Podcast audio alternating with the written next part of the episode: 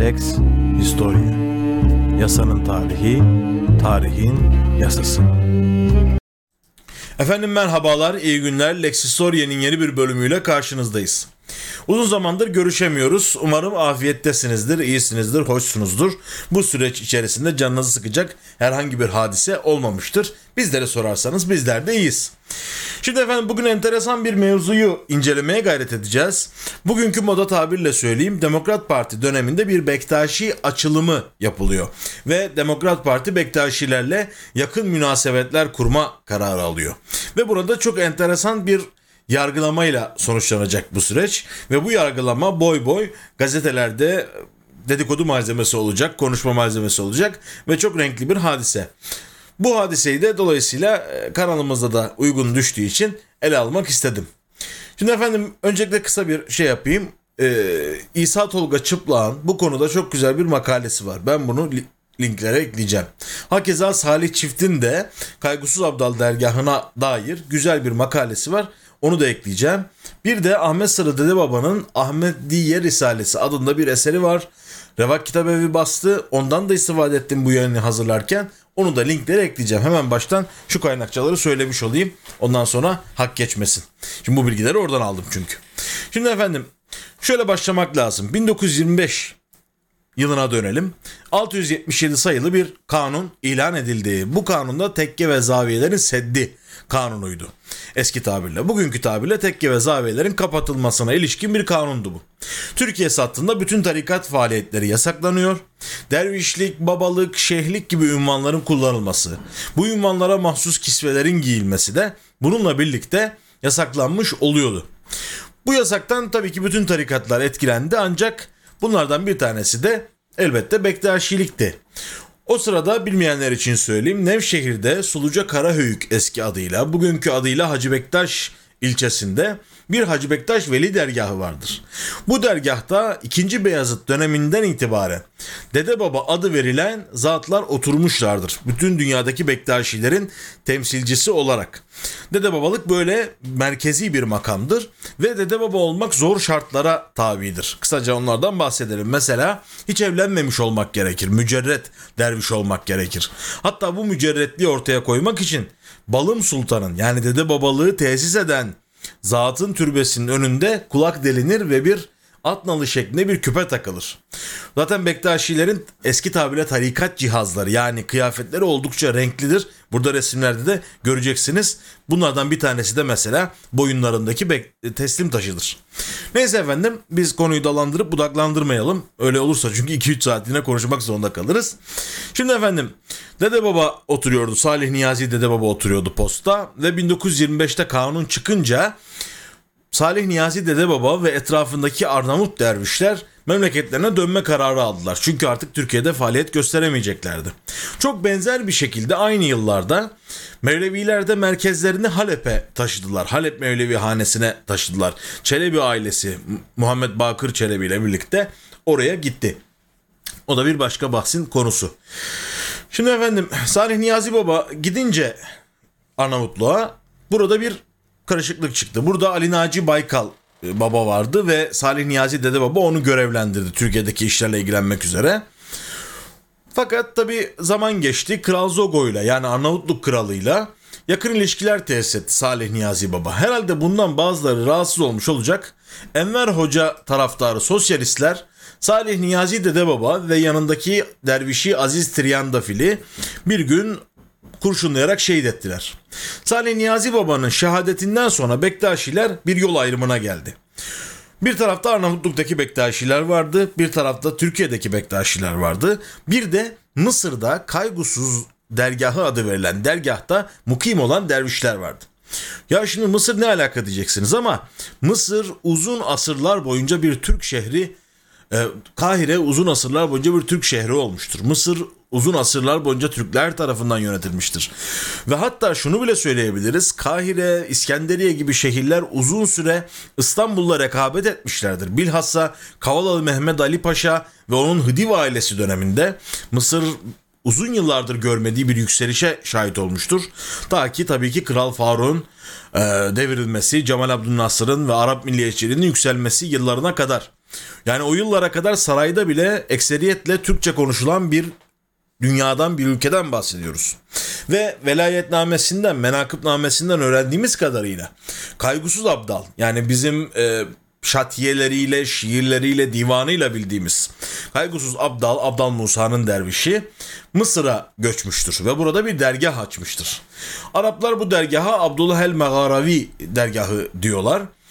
Biz Kaygusuz Abdal dergahı diye tesmiye ediyoruz eski tabirle. O dergahtan birkaç görsel göstereyim size. Mesela bu dergahın e, Ayni Cem'in yapıldığı oda diye düşünüyorum. Yine bakın bir başka o mağaranın içerisinde bir resim. A- Ahmet Sırrı Dede Baba'nın hemen arkasında yani şurada elinde tesbihli olan zatın hemen arkasında meşhur ses sanatkarımız Münir Nurettin Selçuk. Demek ki ziyarete gitmiş oraya. Yine bir başka bahçede bir gezintiyi gösteren resim. Bu da uzaktan bir görüntü.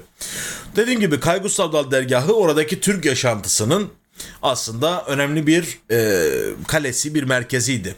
Ve başında da yine bir Arnavut derviş bulunuyordu. Zaten Bektaşilerle Arnavutlar arasında daha doğrusu e, Arnavutlar arasında Bektaşilik çok önemli bir e, figürdür. Bugün bile hala devlet katında temsil edilir Bektaşiler diğer tarikatlardan ayrı olarak bu kadar da yaygındırlar. Neyse efendim bunun detaylarına da girmeyelim. Şimdi Ahmet Sırrı Dede Baba İtalyanlar Yugoslavya'yı işgal edince Mısır'a gitmiş. Orada Muhammed Lütfi Baba'dan Orada onun da resmini bir yere koymuş olmam lazım. Evet şurada resmini koymuşum. Muhammed Lütfi Baba'dan nasip almış ve onun, onun ardından da posta oturmuş biri. Ve çok enteresan bir karakter. Yani hem bilgili hem böyle bazı sivri tarafları olan bir kimse. Ve dediğim gibi bu Bektaşiliğin bölünmesinde Kaygus Abdal dergahı hiçbir tarafa yanlamamış diyelim argo tabirle. Yani ne Türkiye tarafına yanlamış ne Arnavutlara yanlamış uzakta durmuş. Bunun üzerine de 30 Ocak 1949 tarihinde Türkiye'deki bazı Bektaşilerin de içinde bulunduğu bir grup bir toplantı yaparak Ahmet Sırrı Dede Baba'yı oy birliğiyle e, Ahmet Sırrı Baba'yı o zamanki Dede Baba tayin etmişler, seçmişler. Şimdi böylece 3 ayrı Dede Baba 3 ayrı bölgede görev yapmaya başlamış. Tabii bu süreç böyle gelirken bir yandan da tabii bunlardan bağımsız olarak Demokrat Parti yükselmekteydi. Ve e, 1946 olması lazım. 46 seçimlerinde ciddi oy almışlardı ve o dönem yenilmez diye düşünülen halk fırkasını gitgide yenmeye yaklaşıyorlardı ve zaten gizli oy açık sayım prensibi geldikten sonra bu çok daha kolay olacak gibi görünüyordu. Demokrat Parti o dönemde halkın pek çok kesiminden destek alma gayreti içerisindeydi. Herhalde bu gayretlerin bir sonucu olarak Bektaşilerle de irtibat kurmaya karar verdiler sadece Bektaşilerle değil Alevilerle de irtibat kurmaya karar verdiler. Alevilerin ilk temsil e, edildiği gerçek anlamda e, partilerden bir tanesi oldu aslında ve Alevi vatandaşlarımız uzun yıllar Demokrat Parti'ye oy verdiler o dönemde. Sonradan değişen bir sosyoloji vardır orada. Neyse efendim ama enteresan bir bağlantı daha vardır. Yani sadece oy kaygısı yoktur o işin arkasında. Adnan Menderes zannediyoruz ki dedikodulardan duyduğumuz üzere e, Bektaşilik'te bir bağlantı kurmuş kendince.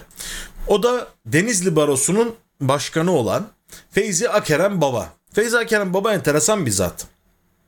Önce e, Adnan Menderes'le tanışıyorlar. İzmirli bir hazine avukatı aslında. Ve Şevket Süreyya'nın verdiği bilgilere göre Adnan Menderes'le yakın ilişkileri olan daha sonra Yassıada'da da e, mahkemeye şahit olarak gelecek olan Ayhan Aydan Hanım'ın daha doğrusu Menderes'in sevgilisinin de dayısı ee, öyle söyleyelim. Neyse Feyza Keren kısa sürede Menderes'le yakın ilişkiler kurmuş ve İzmir'deki Menderes ailesine ait çiftliği yönetmeye başlamış. Hem Fitnat Hanım'ın hem de Menderes'in güvenini kazanmış. Aynı zamanda e, Adnan Menderes e, efendim şey olduğu zaman Amerikan Koleji'nde e, okurken onun veliliğini de üstlenmiş. Dolayısıyla Feyza Kerem Baba bir aile dostu Menderes. Yani baba dostu, aile dostu öyle söyleyelim. Ee, böyle bir zat ve Menderes'i bir şekilde etkilediği düşünülüyor. Yani Menderes'in hoş Bedri Noyan biat ettiğini de söylüyor. Yani Bektaşi olduğunu söylüyor ama emin olamayız. Hiç değilse bir sempatisi var Bektaşilere. Bununla kalmıyor. Celal Bayar'ın 1953'e kadar hususi doktoru, aynı zamanda Gazi Mustafa Kemal Atatürk'ün de hususi doktoru Bektaşi meşrepli Hasan Ragıp Erensel. Dolayısıyla Demokrat Parti liderlerinin Bektaşilikten çok uzak olmadığını görüyoruz. Nitekim meşhur tarihçimiz e, halen daha eserlerinden istifade ettiğimiz Fuat Köprülü de Bektaşilik üzerine e, uzun çalışmaları olan birisi ve biliyorsunuz onu biraz daha Türkçü bir bakış açısıyla Bektaşiliği değerlendirip bir Türk tarikatı olarak ifade etmiştir. Bugün tabii ki eleştiriliyor. O bahsedi geldir ayrı bir şey. Bektaşiliği ve onun yanında da Aleviliği de orada birleştirerek ikisini aynı şey gibi değerlendirmiştir falan. Neyse yani netice itibariyle böyle bir sempati var. Bu sempati empatiye daha sonra da görüşmelere dönmüş ol- olacak demek ki. 1950'lerden itibaren Ahmet Sırrı Dede Baba Türkiye'ye gidip gelmeye başlıyor. Türkiye'deki dervişlerini ziyaret etmeye başlıyor. E, burada da görüyorsunuz çok enteresan, çok hoş bir fotoğraftır Sırrı Dede Baba'ya ait.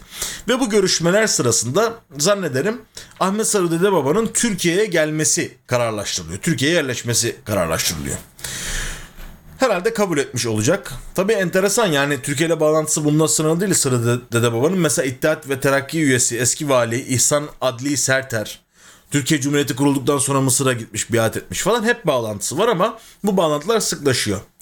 En nihayet Tabii bu geliş gidişlerde böyle arada röportajlar veriyor gazetelere.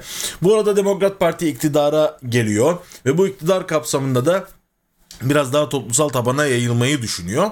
En nihayet 20 Eylül 1952 tarihinde Ahmet Sarı Dede Baba Türkiye'ye vasıl oluyor.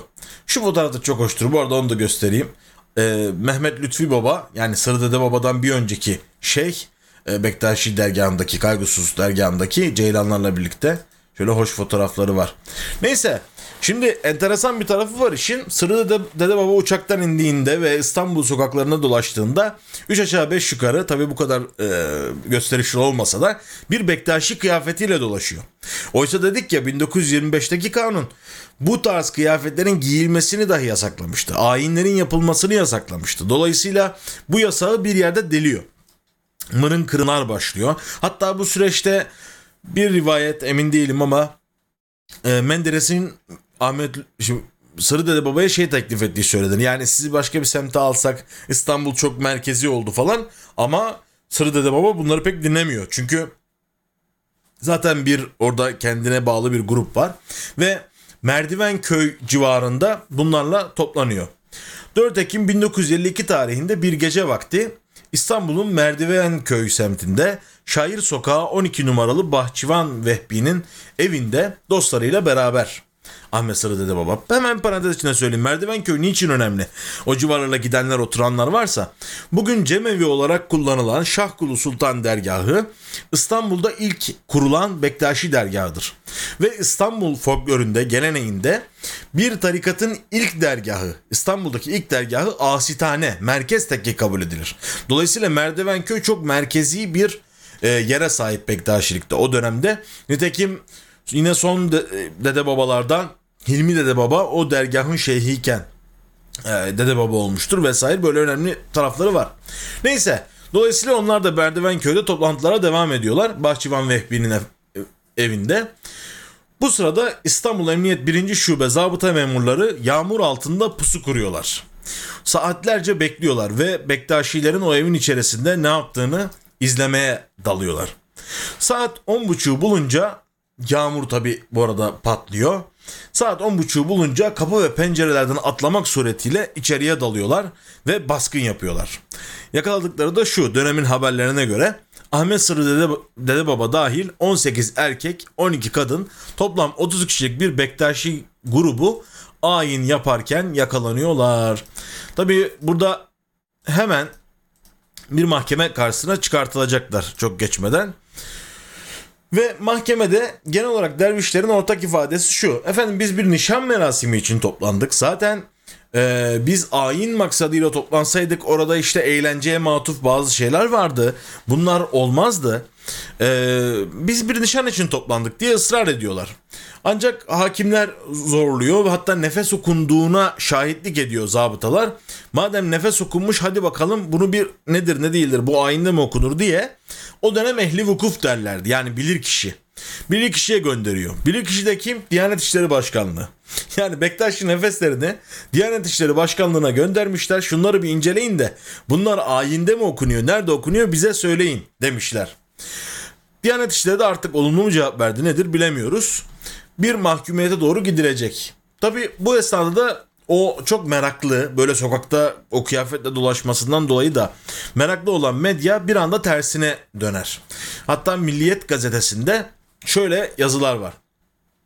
Mısır'dan Bektaşi babalarının en büyüğü gelmiş. Merdivenköy'de bir Bektaşi'nin evinde kadınlı erkekli toplanmışlar. Sofrayı rakılarla kurmuş, nefes okuyup ayin yaparlarken polis basmış. Hepsini yakalamış. Gazetede resimlerini gördüm.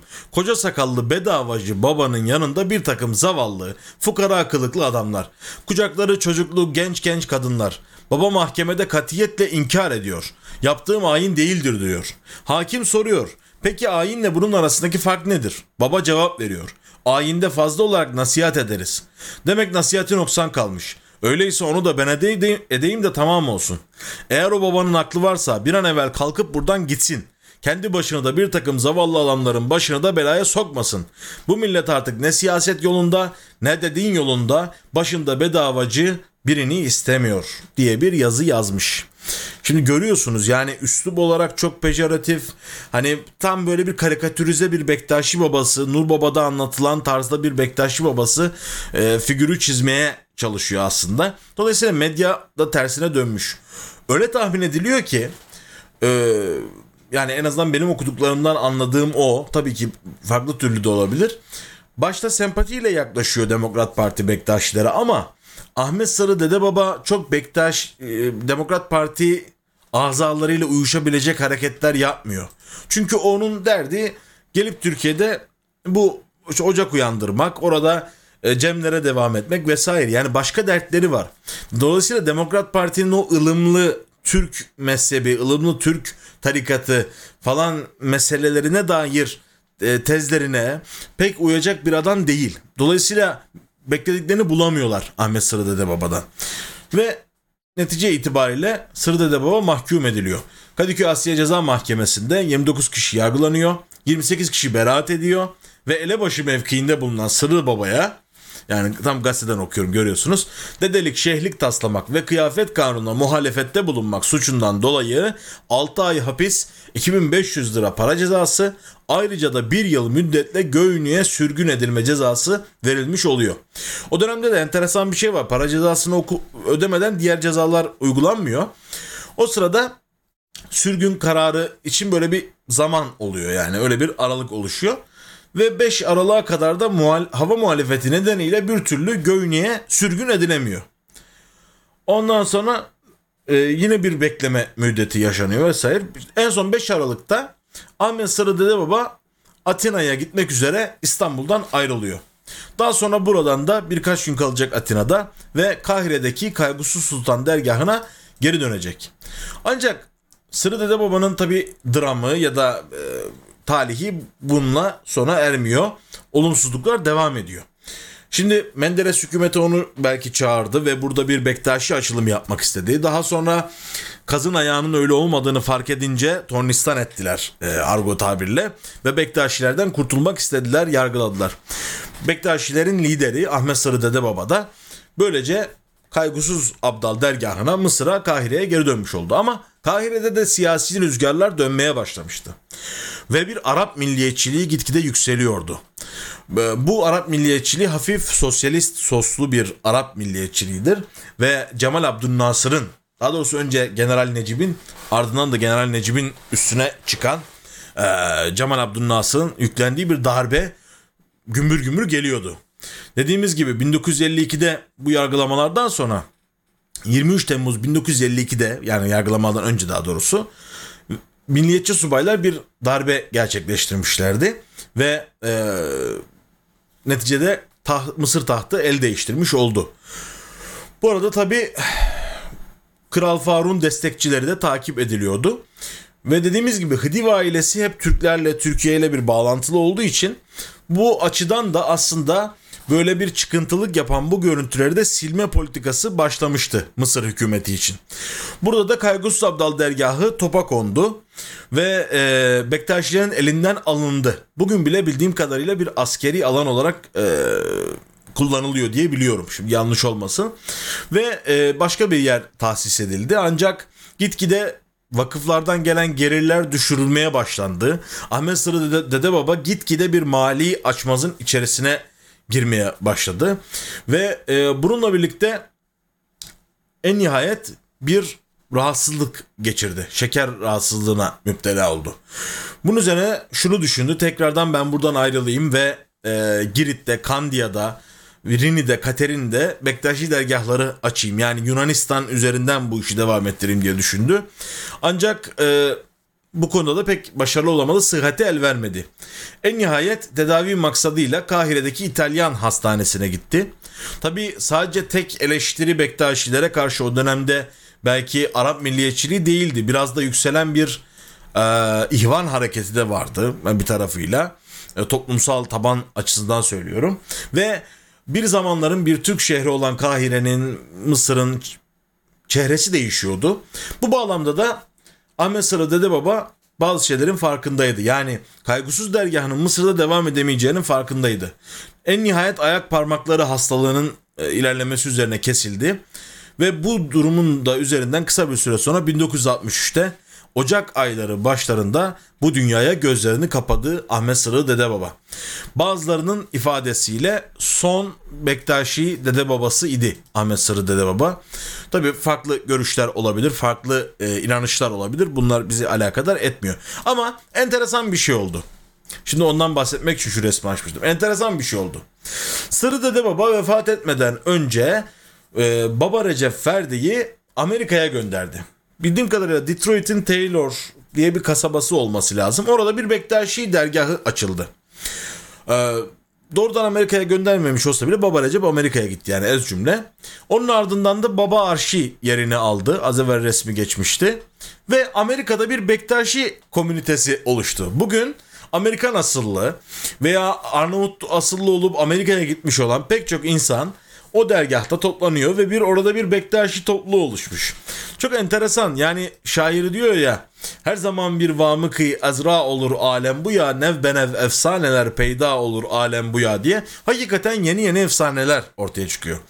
Bugün Bektaşilik netice itibariyle hala doğduğu topraklarda yani Türkiye'de yasaktır.